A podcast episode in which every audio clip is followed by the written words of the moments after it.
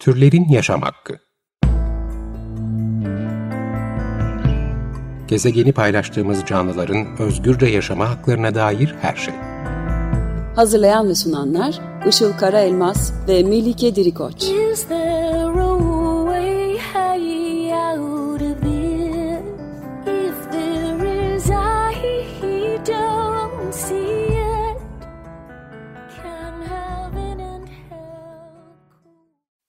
Merhabalar, 95.0 Açık Radyo'da Türlerin Yaşam Hakkı programı başladı. Ben Melike Dirikoç. Merhabalar, ben de Işıl Karaelmaz. Teknik Masa'da Andrei Griçko ile birlikte kayıt alıyoruz bugün. Bu haftaki destekçimiz Aziz Özdemirer'e teşekkür ederek başlayalım. Bugün gezegendeki ayak izimizi e, yani olumsuz etkimizi azaltma yollarından e, birine yine odaklanacağız. Beslenme konusuna. Tabii bu anlamda yapılacak ilk e, ve belki en önemli değişimlerden biri olan hayvansalları bırakmak konusunu burada çok fazla konuştuk. E, sık sık konuştuk. Bugün ama diğer bir açıdan bakacağız ve de beslenmeyi organik, yerel ve meslim, mevsimsel e, beslenme olarak konuşacağız. Konuğumuz bir greenfluencer yani ekolojik yaşam öncüsü diye çevirebiliriz sanırım. Aynı zamanda e, birkaç hafta önce de bahsettiğimiz bir program vardı. Green Vibes diye atıksız yaşama giriş programının eş kurucusu ve de Buğday Derneği gönüllüsü Nil Ormanlı Balpınar. Instagram'da Nil Kıyısı hesabıyla ekolojik yaşama dair içerikler paylaşıyor. Atölyeler ve programlar da düzenliyor. Bir de kitabı var yine bu konuyla alakalı. Başka bir gezegen yok. Atıksız Yaşamın İpuçları adında. Nil hoş geldin. Hoş bulduk. Hoş geldin. Şuradan başlayalım istersen senin hikayenden. Sen ekolojik ve atıksız yaşama nasıl adım attın? Hayatında hangi alanlarda değişim gerçekleştirdin? Tamam. Aslında böyle çok büyüleyici bir hikayem yok başında. Benim için her şey bir tane file çanta edinmemle başladı. Onu da Instagram'da gördüm bir arkadaşımın hesabında. Onu böyle kombini tamamlamak için kullanmıştı bu arada alışveriş için değil. Bir de tam o zamanlar bir üç sene önceye tekabül ediyor bu zaman. Poşet yasası da daha geçmemişti. Ben onu görünce dedim ki ben de bir tane alayım artık şu poşetlerden kurtulayım. Ya o zamanlarda böyle doğayla farklı bir bağım olduğunu hissediyordum. Ama bu kadar aktif değilmiş. Daha böyle çevreci romantik söylemler bağlamında işte elektrikleri kapatalım, suyu açık bırakmayalım, yere çöp atmayalım tadındaydı her şey benim için. O file çantayı aldım. Dedim ben bunu değiştirebiliyorsam başka şeyler de yapabilirim diye araştırmaya başladım. Ama o süreçte şunu gördüm. Hani insan bazen bir şeye ait olmak hisseder ya. Ve ilk sıfır atık terimiyle karşılaştım. Ama bana ilk baş çok korkunç geldi. Çünkü böyle işte Bea Johnson, Trash for Trousers gibi hesaplar var. Onların hep böyle bir çöpü, bir yıllık çöpünü bir tane kavanoza sığdırmışlar. Ben çok tırstım dedim. Ben, ben şu an kim bilir kaç kilo çöp çıkartıyorum şu an. Hani atık çöp ayrımı falan bende hiçbir şey yok o zamanlar. Ne yapacağımı bilemedim ve biraz korktum ama yok dedim. Hani ben bir şeyler yapmaya devam edeceğim ve biraz daha araştırmaya başladım. O sırada YouTube'da e, Sustainably Vegan diye bir hesap keşfettim. Belki siz biliyorsunuzdur ve bilmiyorsanız da herkese öneririm. Çok güzel bir YouTube kanalı var. Onun da benimle aynı kaygıları taşıdığını gördüm ve şöyle bir e, hareket başlatmış. Az etki hareketi diye. Atıklar için de az atık kelimesini kullanıyor. Low impact ve low waste diye. Ben bunu gördükten sonra çok etkilendim. Çünkü aslında sadece atıklar değil, sadece plastikler değil, bizim yapmamız gereken gezegen üzerindeki tüm etkimizi azaltmak. Ben de bunu kendime şöyle yorumladım aslına bakarsanız. Sürdürülebilirliği, adil ve etik üretim tarzını, zevksiz kişisel bakım ve temizliği, yerel ve küçük üreticiyi desteklemeyi, bitki temelli beslenmeyi, zulümsüz vegan ürünler kullanmayı, sadeleşmeyi ve mevsiminde organik beslenmeyi önceleyen bir pratik olarak kendi işimde yorumladım ve bunları böyle teker teker hayatıma almaya başladım. Böyle başladı her şey. Evet ben de takip ediyorum bu arada kendisini. Ee, güzel bir hesap e, gerçekten. Ee, şimdi bunlardan biri de aslında organik beslenme ayağı. Ben de Buğday Derneği'nin bir e, etkinliğine katılmıştım. E, merak ediyordum hani organik ne demek? E, hani biliyorsun çok konuşuluyor ediliyor ama tam anlamıyla bilgiye genelde e, sahip olamıyoruz. Biraz detaylarını öğrenmek gerekiyor. E, bu anlamda sana e, birkaç tane soru sormak istiyorum. Öncelikle bir gıdayı organik yapan nedir? E, ve e, neden organik beslenmek e, aslında önemli ve üzerine konuşulması gereken bir şey? Hı hı. Şimdi öncelikle organik gıdayı tanımlayarak başlayabiliriz. Organik gıda, e, tohumdan hasada ve hasattan son kullanıcıya yani bizim evimize gelene kadarki süreçte ne insana ne de doğaya zarar verecek tarım zehirlerinin ya da kimyasalların kullanmadığı ürünlere yani bu ürünler e, üretilirken, depolanırken, paketlenirken hiçbir şekilde insana veya doğaya, doğaya zarar verecek tarım zehirleri ki eskiden buna tarım ilacı denirdi. Ama e, Buğday Derneği projesinden bahsedeceğim ama onlarla birlikte artık en azından tarım ilacı demiyoruz. Tarım zehiri kelimesini kullanmaya başladık. Bunların kullanılmadan üretilen ürünlere organik gıda diyoruz. Ben de aslında senin dediğin gibi Buğday Derneği ile aslında e, öğrendim bunun ne demek olduğunu. Zaten ben gönüllüydüm ama tam benim etkin olmaya başladığım sıralarda Zehirsiz Sofralar Projesi başladı. Burada e, Türkiye'de pestisin, pestisitin zararlarını hem insanlara anlatmak hem de kullanımını azaltmak amacıyla e, 100 tane kurum ve inisiyatif bir araya geldi ve bir çalışma başlattılar. Rehberler ürettiler, belgeseller çektiler. Bununla ilgili bir e, konferans yapıldı ve gerçekten çok etkili oldu ve bir de imza kampanyası başlatıldı. Bu imza kampanyasıyla hatta 25 tane e, pestisit yasaklandı, 7 tanesine kısıtlama getirildi. Bence çok büyük bir başarı bu. E, ben de zaten bu e, hem orada destek verirken hem de işte bu rehberleri vesaire okurken öğrendim aslında pestisitin ne kadar zararlı olduğunu. Böyle bizim bildiğimiz gibi işte yıkayalım, sirkeli suda bekletelim, karbonatlı suda bekletelim, kabuğunu soyalım diye bir şey değil pestisit. Çekirdeğine kadar işliyor ve gerçekten insan hem insan hem doğa, doğa için çok büyük zararları var. Ee, insan vücudundaki zararı birikmeyle oluşuyor kısırlıktan tutun da obeziteye, hormonal ve sinir sisteminde bozulmalara, üreme sağlığı bozukluklarına, hatta kansere kadar gerçekten çok ciddi rahatsızlıklara sebep oluyor. Ve bunun yanı sıra çevreye çok büyük bir zararı var. Şimdi pestisitler niye kullanılıyor? Tarımdaki verimi aslında arttırmak için. E böcek geliyor, yabani ot çıkıyor vesaire. Bunları öldürmek amacıyla kullanılıyor. Ama şunu görüyoruz ki uzun vadede zaten verim azalıyor. Bir de şöyle bir şey var. Bu zarar veren otlara ve e, böceklere sıkılan e, ilaçlara karşı bunlar zaten e, bir süre sonra bağışıklık göstermeye başlıyorlar ve siz daha çok pestisit sıkıyorsunuz. Onlar daha fazla bağışıklık kazanıyor ve böyle bir kısır döngünün içine girmiş oluyor. Bir de şöyle bir durum var. Diyelim ki siz sadece belli bir e, bitkiye püskürteceksiniz bu ilacı. Püskürtülen pestisitlerin %98'den fazlası, herbisitlerin de %95'i aslında hedef kitleye gitmiyor. Yani hedef bitkiye gitmiyor. Havaya karışıyor, e, toprağa karışıyor, suya karışıyor. Bu doğada çok büyük bir ekosistem var. Çok büyüleyici bir ekosistem var. Şimdi aslında sonunda önerecektim ama şimdi birazcık da bahsetmek istiyorum. Bu sistemin nasıl işlediğini öğrenmek istiyorsanız, hani sadece pestisitleri de bir kenara bırakalım. Bu ekosistemin birbirine nasıl bağlı olduğunu görmek istiyorsak bence e, Rachel Carson'ın Sessiz Bağır bir kitabı var. Mümkünse orijinal dilinden okumanızı öneririm ama ben çok uzun süre etkisinden kurtulamadım. Ya şöyle örnekler veriyor. Hatta bayağı gerçek kezler üzerinden anlatıyor. Diyelim ki bir elma e, kurduğu için ilaç atacaksınız. Siz sadece minik bir şey için atıyorsunuz ve o ekosistem birbiriyle o kadar bağlantılı ki. Şimdi siz bunu sıktınız. O elmayı yiyen kuş da zehirleniyor. O kuşun avcısı da zehirleniyor. Onun avcısının avcısı da zehirleniyor. Diyelim ki o elma yere düştü. Toprak zehirleniyor. Topraktaki yaş, e, yaşayan solucan zehirleniyor. O solucanı yiyen canlı zehirleniyor. Onun avcısı yine zehirleniyor. Toprağa geçiyor, oradan yeraltı sularına geçiyor. Yeraltı sularından göllere, nehirlere gidiyor. Oradaki balıkları zehirliyor. O balıkların avcılarını vesaire vesaire derken çok büyük bir kısır döngünün içine giriyoruz aslında. Ee, sadece böyle görünürde değil bunlar. Çok büyük araştırmalar da var. Bunlara karşı da artık lobilerin ortaya çıkardığı araştırmalar da var ama hani gerçekten kanser ve hormonal sistem üzerinde yaptığı zararlar çok büyük. Yani zararları da böyle. Ben de dediğim gibi Buğday Derneği'nin çalışmalarından öğrendim. Doğru kaynaklara e, erişebilmekte ve bunlardan e, bilgi almakta fayda var diye düşünüyorum.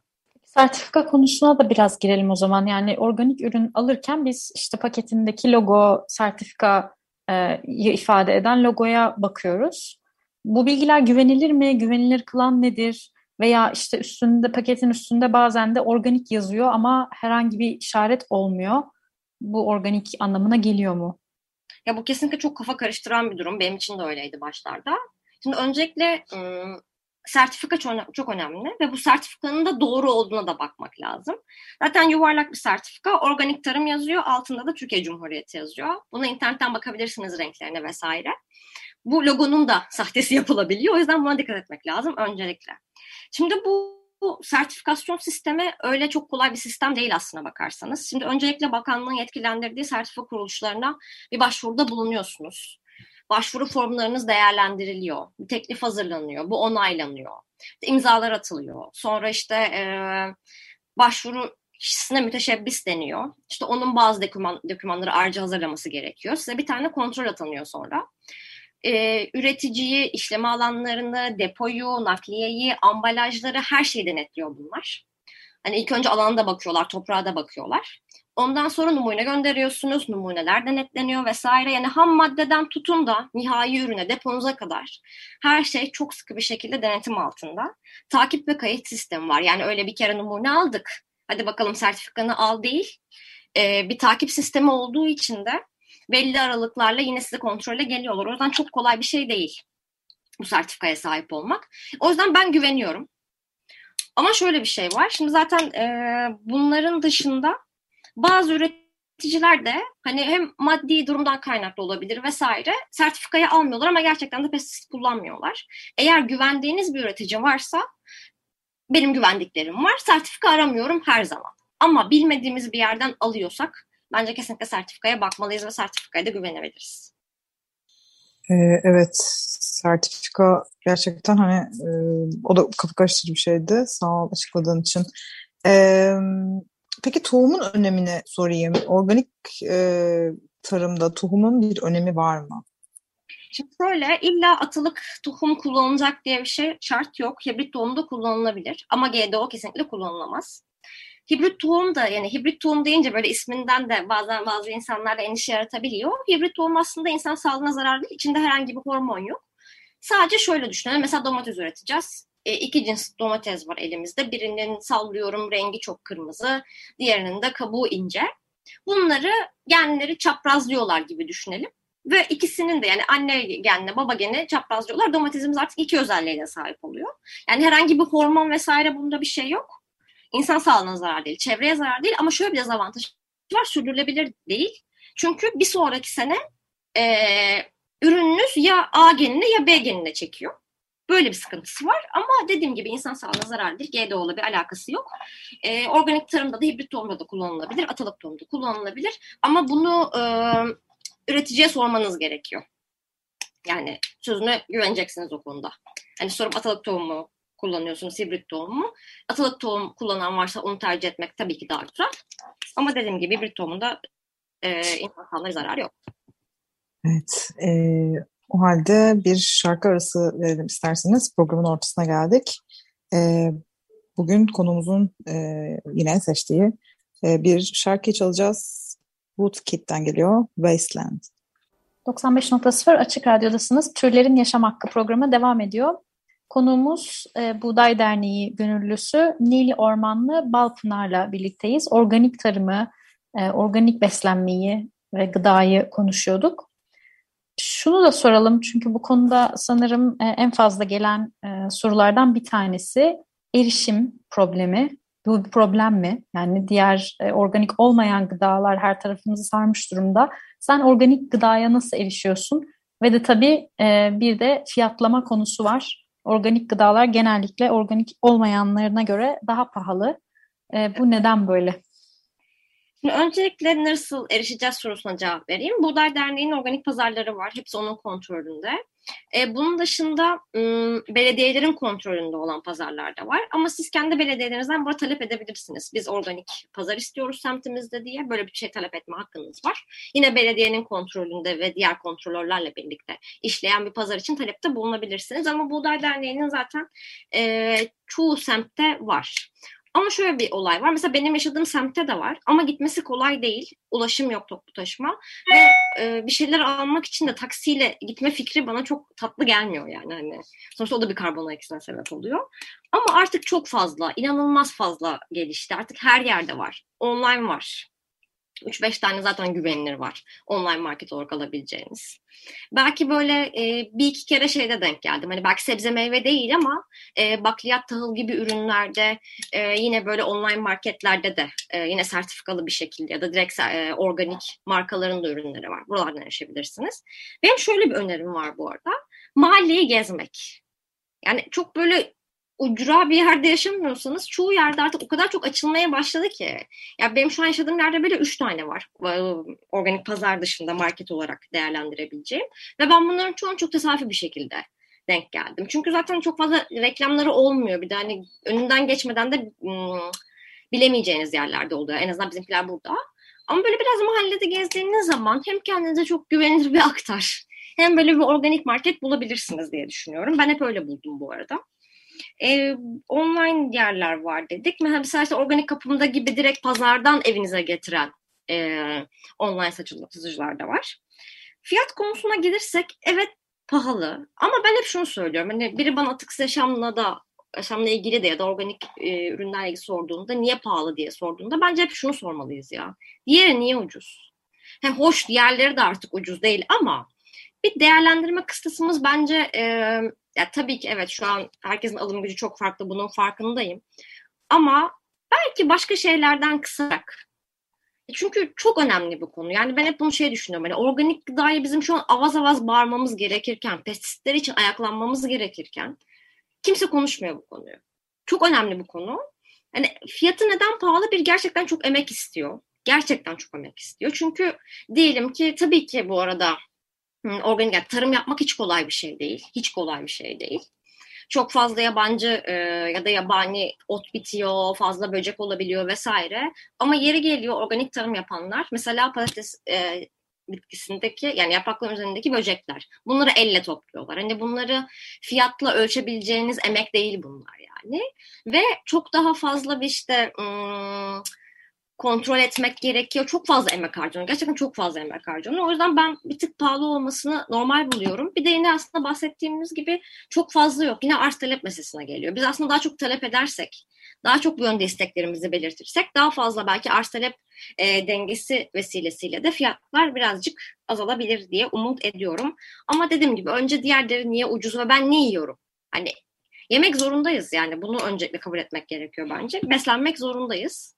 Ve bu ne kadar nelerle beslendik. Hiçbir bilgimiz yok.